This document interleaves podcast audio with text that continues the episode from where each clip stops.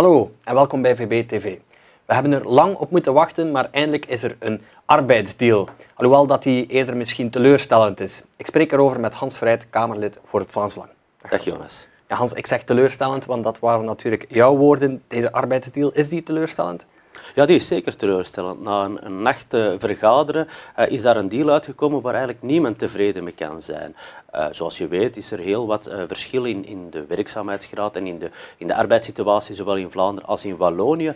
We hebben in Vlaanderen een, een, een hyperproductieve bevolking met jobs die, die echt vooruit gaan, een, een, groeiende economie. We hebben eigenlijk tekort aan geschoolde arbeiders en, en bedienden. En langs de andere kant hebben we in Wallonië, waar eerder een, een hoge werkloosheid is, waar er weinig jobcreatie is, waar de economie eerder slabakt. En voor die twee verschillende werelden, die twee verschillende gemeenschappen, hebben we eigenlijk een specifiek uh, uh, model nodig, een specifieke maatregel nodig. En in de arbeidsdeal wordt daar helemaal niet over gesproken. Er wordt ook geen enkele mogelijkheid gegeven aan de gewesten om daar een eigen beleid rond uit te wikkelen. En dat ontbreekt voornamelijk. En daar zijn er nog wel wat zaken die on ontbreken. Maar er zitten ook wel een aantal kleine zaken in. Hè. Ongeveer iedere partij in deze paarsgroene coalitie heeft een kleine trofee uh, binnengehaald. De liberalen hebben een soepele regeling rond avondarbeid in de e-commerce gekregen. De groenen hebben de heksenjacht op de zogenaamde discriminatie en het recht op deconnectie uh, binnengehaald.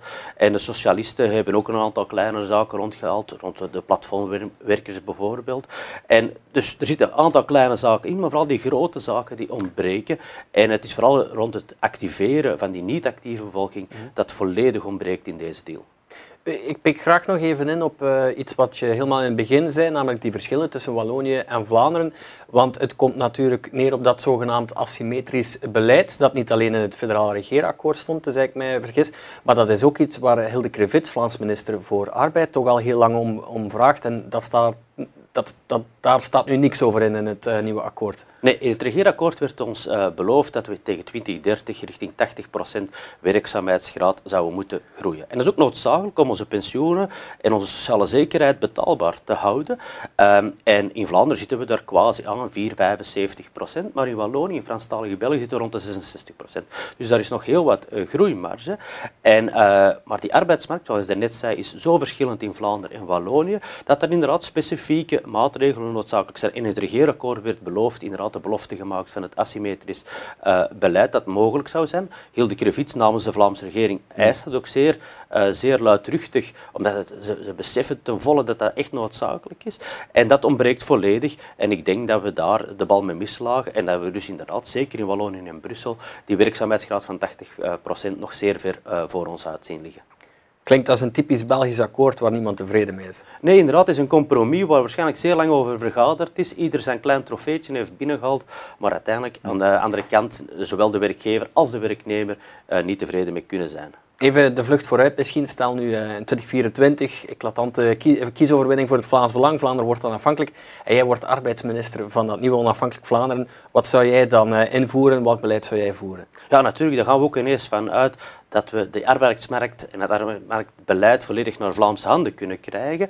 Maar ik denk dat we enerzijds moeten kijken van hoe kunnen we uh, onze hyperproductieve uh, bevolking en, en, en, en onze arbeidsmarkt die, die boomende is, en die zal in 24 ook nog boomende zijn, hoe dat we kunnen afstemmen op onze bevolking natuurlijk. Uh, we zitten op een werkzaamheidsgraad van 74 procent, maar er blijven natuurlijk nog altijd categorieën.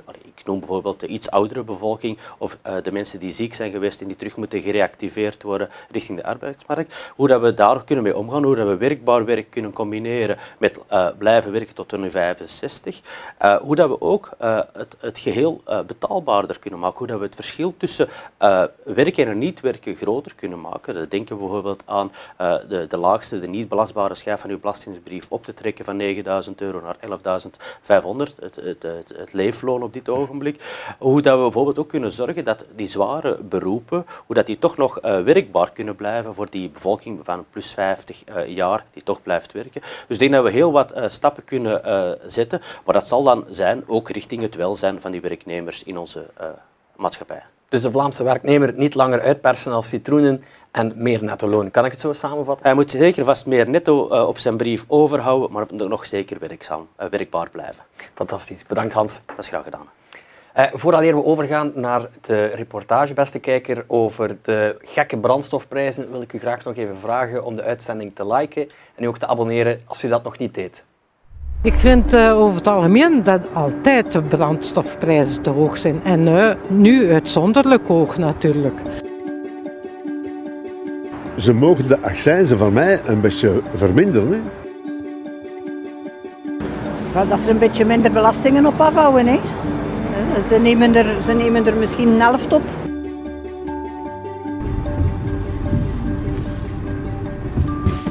Wanneer mensen aanschuiven in het tankstation, dan vullen ze niet alleen hun tank met benzine, maar ze vullen ook de bodemloze putten van deze Vivaldi-regering. Hun financiële putten. Want u weet of u weet misschien niet, de brandstofprijzen stijgen en daar wordt niemand vrolijk van, behalve de regering De Croo. Want meer dan de helft van de prijs aan de pomp zijn taxen bestaat uit btw en accijnzen. En wij willen dat die meer opbrengsten naar deze regering terugvloeien naar de mensen. Want mensen staan niet voor hun plezier te tanken, ze tanken hun wagen vol om naar hun werk te gaan, om te gaan werken, om belastingen te betalen.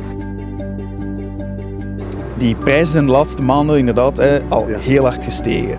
Nu, hoe voelt u die prijsstijging eigenlijk? Ja, voor mij, in mijn geval, uh, voel ik dat zeer uh, hard aankomen. Ja, de rijken hebben er natuurlijk minder last van. En de armen hebben misschien geen auto. Of... Maar de tussenklasse moet maar zien dat hij in de tussenklasse kan blijven. De regering er wel iets aan mag doen als ze minder belastingen vragen en uh, ons een beetje goedkoper zetten.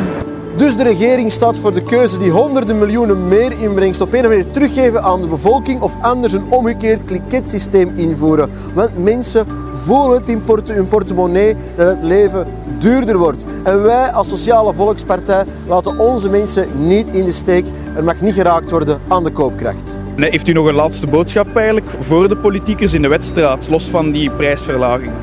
Ja, maar dat durf ik niet zeggen. Wurgende brandstofprijzen, zoveel is duidelijk. En terwijl de brandstofprijzen helemaal uit de pan swingen, beslist de Vlaamse regering om de ticketprijzen en de abonnementsprijzen bij de lijn te verhogen.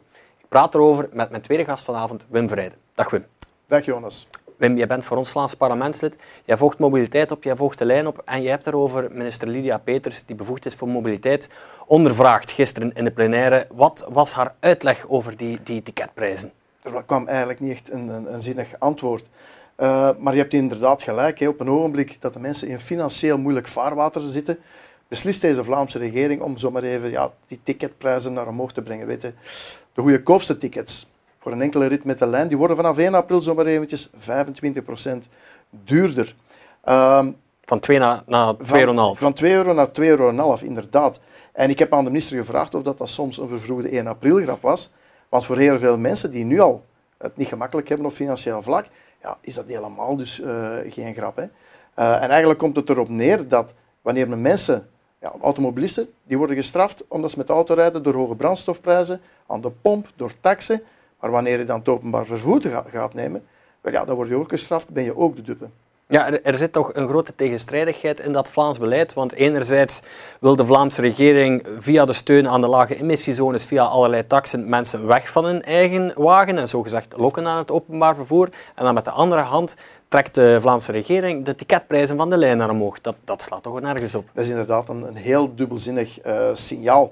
Um, inderdaad onder het mom van dat milieu, onder het mom van meer reizigers trekken naar, die naar dat openbaar vervoer, Ehm, gaat men dus inderdaad allerlei pestmaatregelen invoeren voor automobilisten en dergelijke meer. En wanneer dan, uh, ja, op een ogenblik dan, dat uh, de lijn in, in, financieel zwaar vaarwater zit, dan moeten we ook eerlijk in zijn. Want uh, naar aanleiding van de coronacrisis mm is men zomaar eventjes 40% van zijn reizigers kwijtgespeeld. en mevrouw Schoeps, de topvrouw bij de lijn, die vreest dat zelfs meer dan 10% van die mensen niet meer zullen terugkomen. Ook dit jaar nog, hè. 20% uh, aan reizigers zouden er nog eens wegvallen. Dan zou je toch van een minister verwachten dat men daarop inzet, dat men die aantrekkelijkheid in de kijker zet en dat men juist maatregelen neemt die meer mensen naar het openbaar vervoer gaan lokken. Ik heb soms zo'n beetje de indruk dat men dat milieu en dat openbaar vervoer, hè, dat men dat eigenlijk zo een beetje gebruikt uh, als een uitvlucht. Als een uitvlucht om gewoon meer inkomsten binnen te halen. Want op dat, niveau, op dat gebied moet men dus helemaal niet onderdoen voor het federale niveau. Nu, zoals de Vlaamse regering het dus doet, zo moet het niet. Uh, hoe moet het dan eigenlijk wel? Hoe maken we mobiliteit en openbaar vervoer aantrekkelijk, veilig? Ja, wel, wij pleiten er inderdaad voor om ten eerste geen pestmaatregelen op te leggen aan automobilisten. Lage emissiezones, de hoge brandstofprijzen. Uh, nee, daar zijn we niet voor. We willen in tegendeel een alternatief. Wij willen een openbaar vervoer dat veilig is, dat comfortabel is, milieuvriendelijk, inderdaad. Uh, maar ook een openbaar vervoer dat betaalbaar is. Dat betaalbaar is, want wat, uh, wat, dat is heel belangrijk. Want we zien nu die maatregelen van de Vlaamse regering. Ja, oké, totaal dubbelzinnig. Maar dat kunnen we dus doen op twee manieren. Uh, ten eerste, door bijvoorbeeld het zwartrijden aan te pakken. Zwartrijden, hè, want dat is, dat is juist zo, zo vreemd aan heel die redenering. Men gaat ticketprijzen verhogen, maar langs de andere kant loopt men 20 tot 30 miljoen euro scheef aan inkomsten omwille van dat zwartrijden. Trouwens, in stedelijke gebieden zijn er 40 tot 50 procent zwartrijders. Dat is gebleken uit controles. Dus op die manier uh, kunnen we twee vliegen in één klap slaan, namelijk minder dure tickets, het openbaar mhm. vervoer goedkoper maken, zodat het aantrekkelijk wordt. En ten tweede pakken we ook de overlast en de veiligheid aan.